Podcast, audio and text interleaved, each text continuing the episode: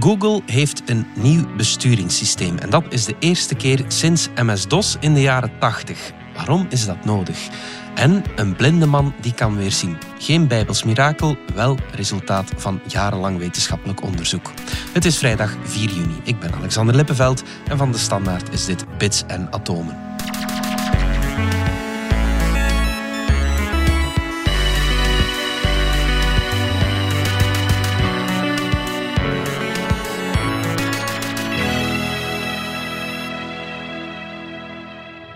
Pieter, we zijn nu vijf afleveringen ver in onze herneming van Bits en Atomen. En het is al de tweede keer dat je het over koffie wil hebben. Ja, koffie is dan ook heel belangrijk. Ja, oké. Wij hier op de redactie denken ook, we gaan koffie drinken om ons scherp te houden, om zeer alert te zijn. Mhm. Het valt een beetje tegen. Amerikaanse onderzoekers hebben het eens eh, uitgezocht. Die hebben mensen een nacht eh, wakker gehouden. Mhm. De ene helft dan koffie gegeven en de andere helft geen koffie. En ze dan eh, testjes laten doen. Ja. Eén test was simpel, gewoon een attentietest, een alertheidstest. Je kijkt naar een scherm, als er een lampje opvloept, duw je op het knopje. Ja. En hoe sneller je duwt, hoe beter je bent Ja, natuurlijk. een soort van eh, medisch onderzoek van vroeger in de lagere school. Voilà. ja, ja. Nu, mensen die een nacht eh, wakker gebleven zijn, die werken daar slechter op die test, Ja, is evident. Als ze koffie drinken, komen ze weer op normaal. Oké, ja. Maar het is dan ook een heel simpele test, gewoon op een knopje duwen. Ja. Nu hebben ze die mensen ook een tweede test, een serieuze test laten afnemen, waarbij echt eh, waar je je kop moet bijhouden. Mhm. Dat heet de Unravel tekst. Oké. En wat ze moeten doen is, eh, ze krijgen op scherm een letter en een cijfer te zien. Soms in kleur, soms niet. Soms eh, cursief, soms onderlijnd. Soms in een hokje, soms naast een hokje. Ja. En dan moeten ze op de juiste knopjes duwen op het juiste moment. Ja. En ze moeten het woord unravel daarbij in hun geheugen houden. Elke letter van dat woord staat voor een stap in de procedé. De eerste keer dat je iets ziet, denk je aan de U van unravel. En die U betekent dan underlined of cursief. Als het onderlijnd is, moet je ja duwen. Ja. Tweede keer ben je aan de N. Dan moet je kijken, is het voorin of achterin het alfabet? Ja. Dan komt de R, red or yellow. Bij rood moet je duwen. Dan de A, above of beneden het hokje. De V, is het een vowel, een klinker of is het een medeklinker? Ja. De E, is het even or uneven? Dan heb je het over het cijfer. En de L, is het larger of smaller dan 5. Ja, ik moet eerlijk moet zeggen, als al je aan al die moet denken, je, je mag nog zo uitgeslapen zijn als je wil, maar dat is toch verschrikkelijk moeilijk. Nu, uitgeslapen mensen halen daar een gemiddelde score op. En Ja. dan ga je kijken wat je doet met eh, niet uitgeslapen mensen. Oké. Als ze al of niet koffie gehad hebben. En dan blijkt dat die koffie geen zier helpt. Ja. Dus als het er echt op aankomt, reken niet op koffie. Mm, ja, dus die uitspraak van coffee do stupid things with more energy, dat, dat klopt helemaal eigenlijk. klopt Ja. dus inderdaad Ja, helemaal. ja. Waarom hebben we ergens wel dat gevoel dan dat koffie helpt tegen vermoeidheid? Wel, het houdt ons inderdaad een beetje alerter. Op die alertheidstest gewoon op knopje duwen, daar scoor je beter met koffie. Het, eh, het is ook psychologisch natuurlijk. eh, het is een placebo-effect. Als we een kopje koffie drinken, dan hebben we het gevoel dat die koffie wel voor ons wakker zal blijven. Mhm. En dat helpt ook. Ja, ja, En koffie geeft ook een, eh, ja, een warmte, een goed gevoel. eh. ja. Het is ook gewoon, ja, niet iedereen vindt dat lekker, maar als je het lekker vindt, is het genieten. de gemiddelde journalist in elk geval wel. Voilà. Maar wat is nu eigenlijk, Pieter, het is misschien een moeilijke vraag, de beste truc als je slecht geslapen hebt of, of amper geslapen hebt? Is er daar een truc tegen? Eh, de enige truc die ik kende was koffie drinken. En dat, eh, Dat blijkt niet te dat werkt dus niet. Dus gewoon kruipen in je bed als je Voilà. slecht geslapen hebt. Goed, oké. Is het dan ook een placebo-effect dat als je s'avonds koffie drinkt, dat je dan slechter slaapt? Sommige mensen hebben dat. Wel, in mijn ervaring is het in elk geval placebo-effect. Ja, in de ja. tijd toen ik nog eh, student was in de blok, eh, zo rond middernacht als het eh, een beetje moeilijk begon te worden, dan ging ik even naar beneden. Dan nam ik een grote kop zwarte, sterke koffie. Met het idee van, die koffie zal mij nu wel wakker houden. Ja, tarara, tien minuten nadien lag ik in mijn bed. Altijd. En als ik geen koffie dronk, dan kon ik mij nog een beetje voortslepen. Alle illusies van koffie aandegelen.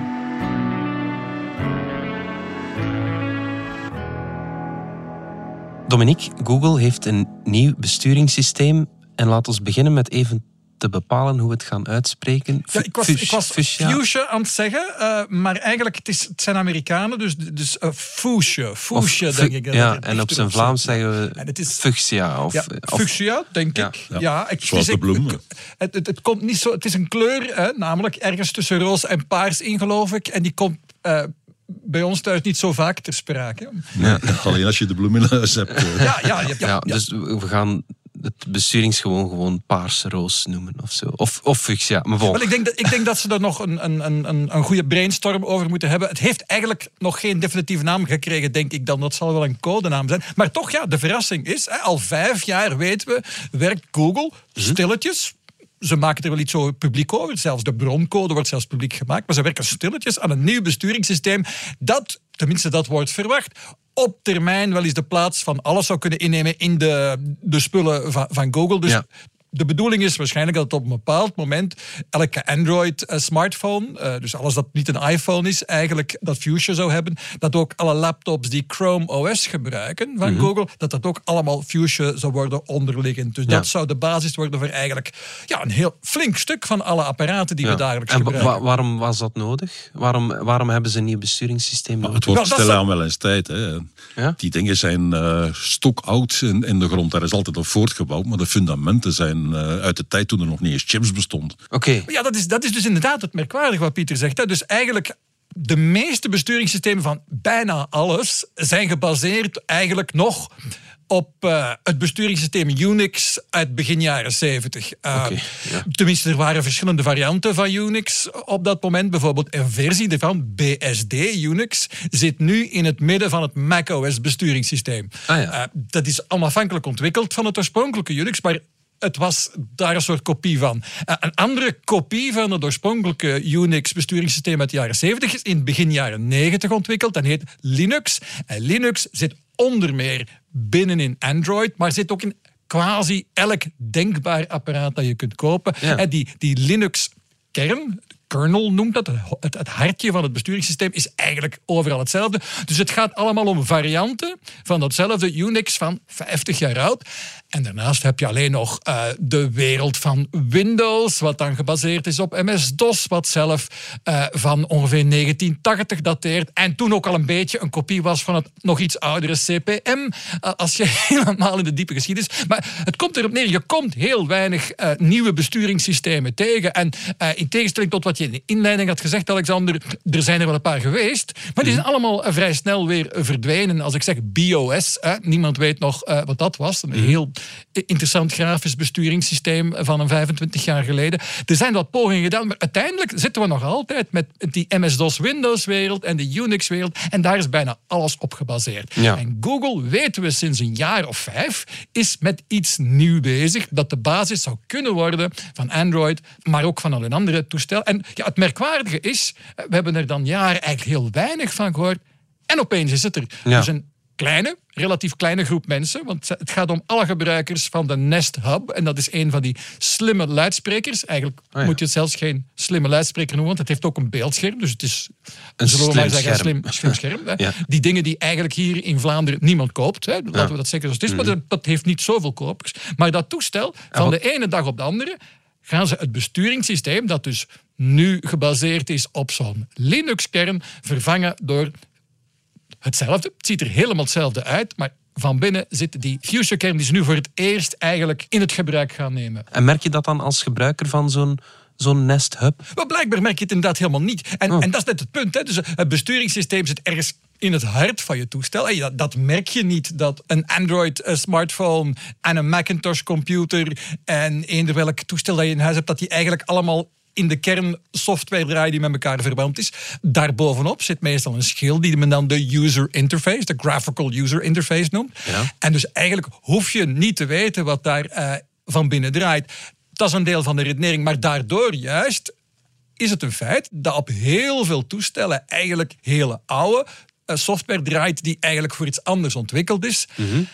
En dat is niet altijd de meest efficiënte software. En vooral ook, dat zorgt voor veiligheidsmoeilijkheden. En ah veel van de veiligheidsproblemen die we met apparaten in huis tegenkomen, dat die dan blijken van buitenuit gehackt te kunnen worden, is eigenlijk omdat daar binnen in die toestellen een stukje software draait dat eigenlijk niet nodig is. Er zit een volledig Linux-besturingssysteem ergens in dat toestel.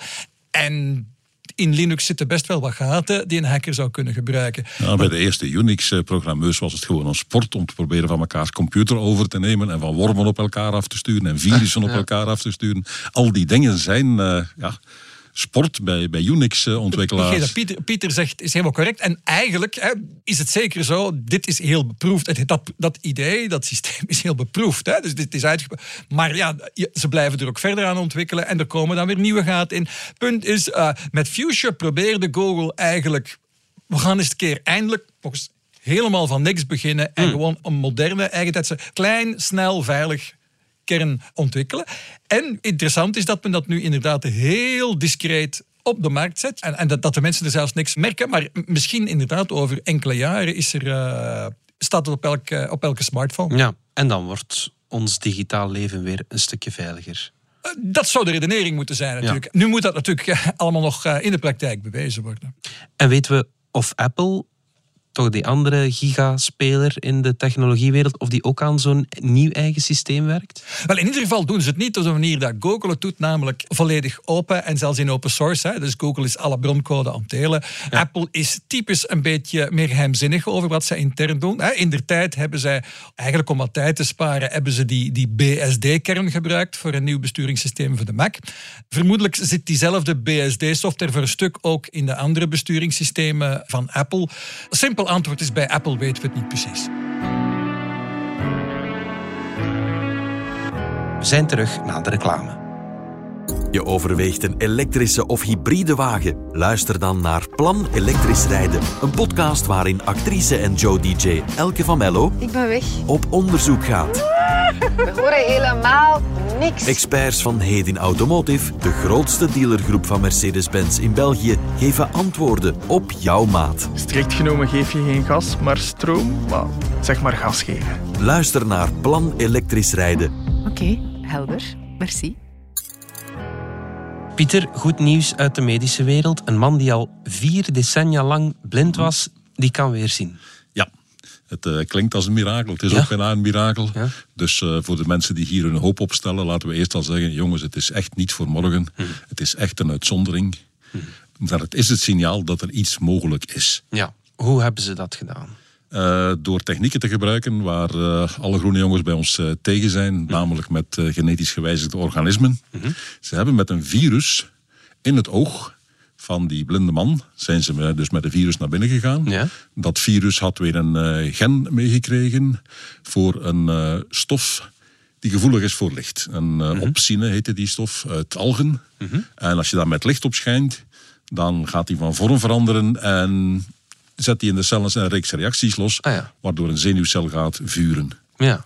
Nu, dat is wat in onze ogen ook gebeurt. Ja.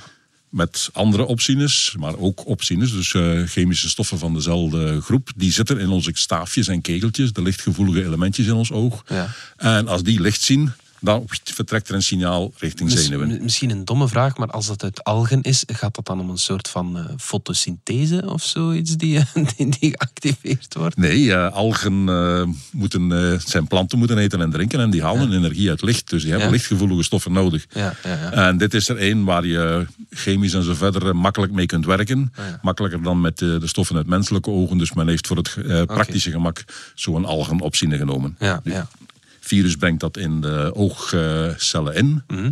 En die zijn weer lichtgevoelig. Ja, ja, ja. Heel grof, heel ruw. Ja, het is niet dat die man nu plots eh, boeken gaat kunnen lezen. Nee, nee, nee, absoluut niet. Mhm. Hij uh, kan voor uh, grovere dingen het verschil tussen bleek en donker zien. Ja. Op een wit tafelblad zal hij een zwarte koffiekop zien staan. Ja, ja. Of hij zal daar een uh, zwarte notebook zien liggen. Hmm. Hij kan nu een donkere deur en een bleke muur onderscheiden. Hmm. Het eerste wat hij kon zien was een zebrapad. Ja, ja, ja, ja. dat is op dat niveau moet je, dus, contrast, uh, ja, moet je dus gaan denken. Ja, ja, ja. Maar goed, uh, tussen dat en uh, niks is natuurlijk een enorm verschil voor een blinde. Als je nog maar die elementaire dingen kunt zien, kun je, ineens gaat er een hele wereld opnieuw open. Ja. Let wel, die man heeft daar maanden moeten voor trainen. Mm Die opzines eh, zijn niet zo lichtgevoelig.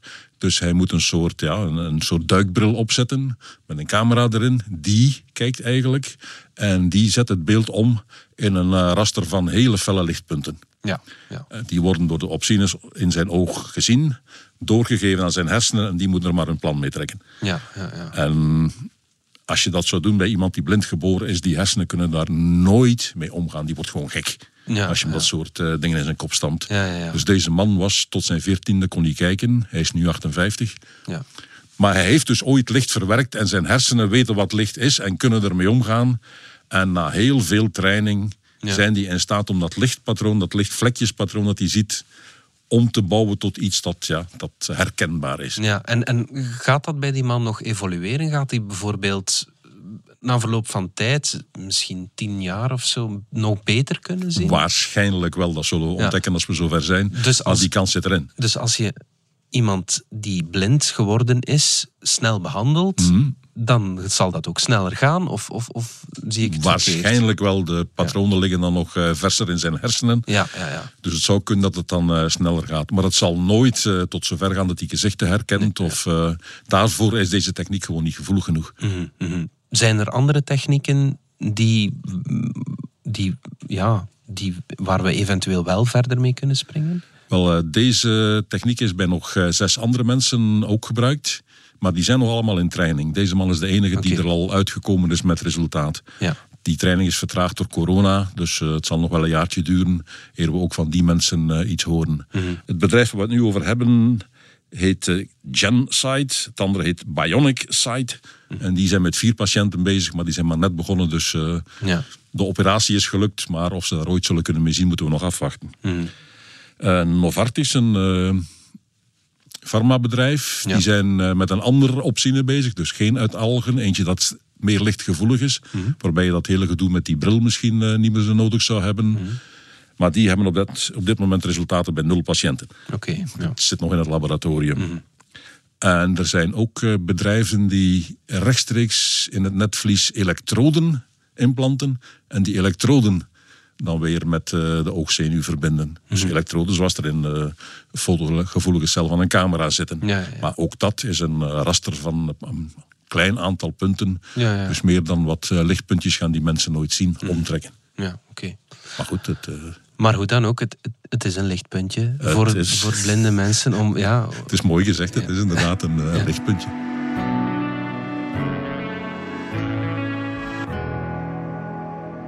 Dominique, een non-profit groep heeft deze week een boze mail gestuurd naar 560 Europese websites met de boodschap dat hun cookiebeleid niet deugt. Ja, absoluut. En is eh, een prachtig, prachtig initiatief. En de man die erachter zit heet Max Schrems. Is een Oostenrijkse eh, jonge advocaat. En een man die het eigenlijk op zich heeft genomen. Hè. Hij, stelt vast dat Europa sinds enkele jaren echte privacywetgeving heeft. De GDPR. En hij zegt van ja, maar als je zo'n prachtige wetgeving hebt, moet je hem wel afdwingen ook. En hij stelt vast dat Europa dat eigenlijk niet doet. Dat bedrijven tot op grote hoogte nog altijd een beetje blijven doen wat dat ze willen. En dan heeft eigenlijk Max Schrems gezegd doe ik het wel zelf. Ja. En dus met een groepje van zes advocaten doen die ja, verbijsterende dingen eigenlijk. En nu dit. Basisprobleem is, hè, je gaat het internet op en de eerste, de beste website die je tegenkomt vraagt van mogen we cookies gebruiken? En dan kun je eigenlijk, hè, dat, dat weten we allemaal, je kunt eigenlijk alleen maar op ja klikken, want anders ben je vertrokken. Eh, Veel te veel tijd, klik maar op ja. Ja. En dat is nu net helemaal fout, zegt Max Schrems. Dus dat is niet wat de wetgeving zegt. De wetgeving zegt niet, eh, je moet mensen het zo lastig mogelijk maken om nee te klikken. Integendeel, de wetgeving zegt, je moet de mensen keuze geven. En echte keuze geven, zegt Max Schrems, maar zeggen ook veel juristen. Echte keuze wil zeggen, het is ja of het is nee. Ja. Dat wil zeggen, naast die grote groene knop die zegt van... doe maar, geef mij maar alle cookies... moet een grote rode knop staan... Hij mag ook blauw zijn, die zegt nee, geen cookies. En als je op die nee klikt, moet je nog altijd door kunnen gaan in de op de website, precies op dezelfde manier. Ja. En daar is één kleine uitzondering op. Hè. Bepaalde cookies zijn absoluut nodig om een website te doen werken. Hè. Bijvoorbeeld als het een webshop is en ik wil nu eh, spulletjes in mijn eh, winkelkarretje doen. Ja. En dan klik ik door om te betalen. Daar heb je cookie voor nodig. Dat kan niet anders. Omdat dat winkelkarretje moet weten dat je dat hebt toegevoegd. aan je dus je moet van, Ja, van het ene scherm naar het andere scherm iets bijhouden, namelijk dat winkelkarretje. Dat mag. Dat heet een functionele cookie. Die mogen er altijd zijn. Maar andere cookies moet je toestemming voor hebben, zegt de Europese wet. Alleen, dat wordt eh, eh, dat, Dat, wordt gaat dan om marketing, marketing cookies en, en die doeleinden. Ja, bijvoorbeeld ja. die. En natuurlijk, de, de cookies die mensen het meest dwars zitten, zijn die cookies die je volgen van website naar website. En die bedoeld zijn om te leren wat voor dingen je op het internet allemaal uitsteekt. En Ja, ja. wat voor iemand je daarom bent, om dan gerichte reclame te kunnen tonen. Dat zijn, ja, dat zijn die dingen, als je net een grasmachine hebt opgezocht, dat je daarna nog een week reclame krijgt voor die, wat, wat- grasmachines. bijvoorbeeld, dat is een, he- een heel goed voorbeeld van het soort advertentie dat mensen heel hinderlijk vinden. En daarom dat er uiteindelijk heel veel vraag was naar wetgeving die zegt van je moet het allemaal kunnen afzetten. Hmm. Maar het tegengestelde effect is, of of tenminste het ongewenste effect is dat het nu heel lastig is om een nieuwe website op te gaan, omdat je altijd met die vraag zit. Maar Max Schrems zegt, we zijn hier de wetgeving gewoon niet aan het afdwingen, want de wet zegt eigenlijk gewoon simpelweg knop ja, knop nee. Klik je op nee, geen cookies, moet je gewoon verder kunnen werken. En dat is op vrijwel geen enkele site zo. Ik heb eh, een kwartiertje gaan rondsurfen, ik heb er geen enkele aangetroffen. Maar de Belgische Gegevensbeschermingsautoriteit heeft in drie jaar eh, hoeveel boetes uitgeschreven voor niet opvolgen van de cookiewetgeving? Ik ga gokken, nul. Het is er eentje geweest. Toch één? Eentje, twee Ja. jaar geleden. Eh voilà. En dus, maar Max Schrems nu? Die stuurt dus een waarschuwing naar 560 sites. Ze hebben ook gezegd, we hebben praktisch geen websites aangetroffen die helemaal in orde waren.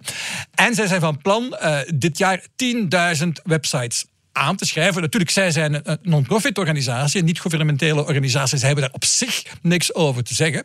Maar wat zij doen is, ze hebben een stuk software geschreven. Dus gewoon software die automatisch afgaat van kijk, is die cookie-waarschuwing in orde met de wetgeving? Checken een paar dingen af. Is die niet in orde, krijgt dat bedrijf automatisch een waarschuwing in de bus. En dat is dan heel vriendelijk opgesteld. Hoor. Zegt van, ja, u wist het misschien niet, maar de manier dat uw website omgaat met cookies is eigenlijk niet in orde. En hier zijn een paar tips om het in orde te brengen. Ze hebben een hele uitleg erbij over hoe het dan wel moet. En een maand later checkt de software nog eens. Is het dan niet Ja. in orde? Dan wordt er een klacht gestuurd naar de gegevensbeschermingsautoriteit. Hè? Dus die organisatie in België die dus in drie jaar één boete heeft uitgeschreven daarvoor. En die gaat dus, de kans is reëel effectief dat de Belgische gegevensbeschermingsautoriteit, maar ook die in alle andere Europese landen, plots een toevloed gaan krijgen van meldingen. Maar de hoop van Max Schrems is dat heel veel bedrijven dat, het niet zo ver gaan, gaan laten komen en dat ze zich opeens in orde gaan stellen met die wetgeving die er al eh, vele jaren is. Want het is niet zo dat elk bedrijf doelbewust dat verkeerd gaat implementeren, die, die, die regels. Oh, ik denk dat het vaak doelbewust is. eh, Ja? De, de voordelen zijn te groot. Hè. De- Die cookies helpen je om eh, reclame te, te kunnen maken en zo verder. Ja. Als bedrijf heb je er geen voordeel bij om de cookies te laten afschakelen. Ja, het hindert je zelfs- alleen maar. Ja, en zelfs op websites zonder reclame, maar hetgeen dat Pieter zegt is juist, maar zelfs op websites zonder reclame, heel veel websites willen gewoon weten wat doen mensen precies en van waar komen de mensen naar onze website Ja. en van welke andere sites zijn ze eerder geweest. En daarvoor worden de zogenoemde analytische cookies, hè, zoals bijvoorbeeld Google Analytics, een heel veel voorkomend eh, systeem om het verkeer op je website te onderzoeken. Dat heeft niks met reclame te maken, maar gewoon je wil je website optimaliseren. Maar ook die cookies in feite mogen niet eh, zonder toestemming. Ja.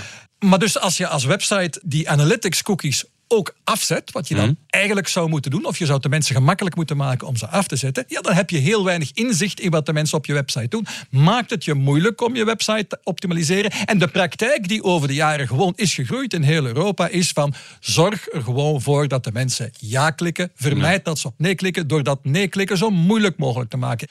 Dat is geen geïnformeerde en specifieke toestemming volgens de Europese wet. Dus Schrems heeft gelijk. Ja. En ja, wat, wat hij hier aanstipt eigenlijk zijn wat men noemt dark patterns. Dat is nu een heel modieuze term daarvoor. Dark patterns, technieken om mensen te- iets te laten doen dat eigenlijk tegen hun eigen belang is. En wij hebben daar een Vlaamse uitdrukking voor trucken van de voor. Dus in Europa worden alle trucken van de voor gebruikt om te zorgen dat je maar op ja klikt, terwijl je eigenlijk op nee zou willen klikken. Ja, ja, ja oké.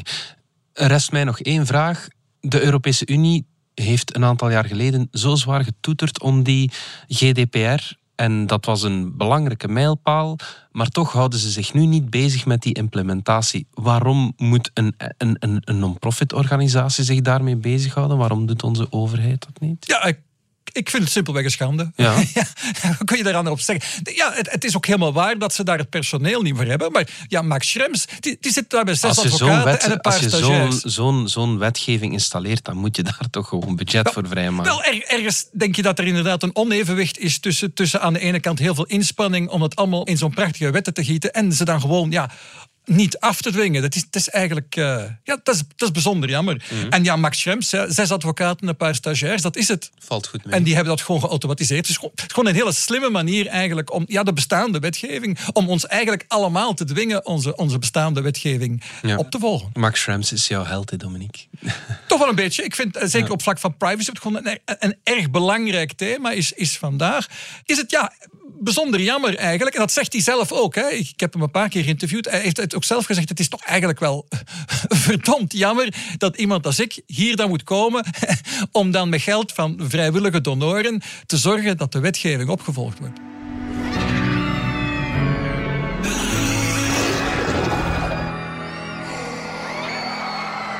Pieter, tijd voor de dino van de week. Er is een nieuwe soort ontdekt in Australië. Ja, en helemaal eh, in de bush bush, diep in eh, Queensland. En het ding is 95 eh, miljoen jaar oud. Ja. En dat is wel leuk. Dat is ongeveer rond het moment dat eh, Australië zich helemaal losgemaakt heeft van de, de rest van de wereld. Ah ja. Ooit is de wereld eh, begonnen als één groot continent. Eh, Pang- dat is dan opgesplitst. Pangea heette dat. Pangea, Ja, ja, ja. Dat is dan opgesplitst in Laurasië, alles met Europa en Azië ongeveer, alles in het noordelijk halfrond. En Gondwana, alles in het zuidelijk halfrond, Zuid-Amerika, Afrika, Antarctica, Australië, Nieuw-Guinea, Madagaskar, India. Die hingen allemaal aan elkaar. Het een na het ander is daar, eh, heeft zich losgemaakt en is zijn eigen pad ingegaan. Ja. En de laatste breuk was dus net rond die tijd dat eh, deze dino moet eh, geleefd hebben. Ja. Dat is voor de evolutie van dino's is dat dus wel leuk om dat te kunnen volgen. Australië was al heel lang los van al die andere stukken van de wereld. Antarctica als laatste. Dus t- de dino's daar hebben hun eigen ding kunnen doen. Ja. Dus ze zijn leuk om te volgen. Eh, deze is splinternieuw. Nou ja, in eh, termen van opgravers. Hij is al van 2018 gevonden, maar men is nog steeds aan het graven naar meer botjes. Ja. Op dit moment hebben ze zijn ruggengraat zo ongeveer. En het is wel een jukkel. Ja, vertel. Het is eh, van het type Brontosaurus. van die dingen lijf als een ton. Met die heel lange nek is dat, hè? Ja. Vier poten als pilaren, eronder een hele lange nek met aan het einde een heel klein koppie. Ja. Aan de andere kant een even lange staart. Ja. Dus eh, dat model, eh 15 meter, 20 meter, 30 meter. ja. Op dezelfde plaats in Australië is trouwens niet zo lang geleden een eh, Titanosaurus gevonden. 30 meter lang, ook zo'n Mhm. Hetzelfde model Ja, ongeveer. Ja, ja. Van deze weten we nog niet welk type hij precies is. Het zal een nieuwe soort zijn, denken ze. Hij heeft zelfs nog geen naam. Hij heeft zelfs nog geen naam. En dat is voor paleontologen toch wel heel ongewoon. Ja, ja. Meestal van zodra ze één vingerkootje hebben, eh, zijn ze al aan het roepen van... hey, het is wel een totaal nieuwe soort en hij gaat deze naam hebben. Ja. En ik ga beroemd worden. dus eh, nu zijn ze wat voorzichtiger. Omdat ze nog niet zeker zijn of omdat ze... Ik weet het niet waarom. Eh, misschien Ja. zijn het voor één keer heel bescheiden paleontologen. Die bestaan ook. Oké. Goed. Pieter, Dominique, dank jullie wel. Dit was Bits en Atomen. Bedankt voor het luisteren. Reageren kan via podcast.standaard.be. Alle credits vind je op standaard.be-podcast. Volgende week zijn we er opnieuw.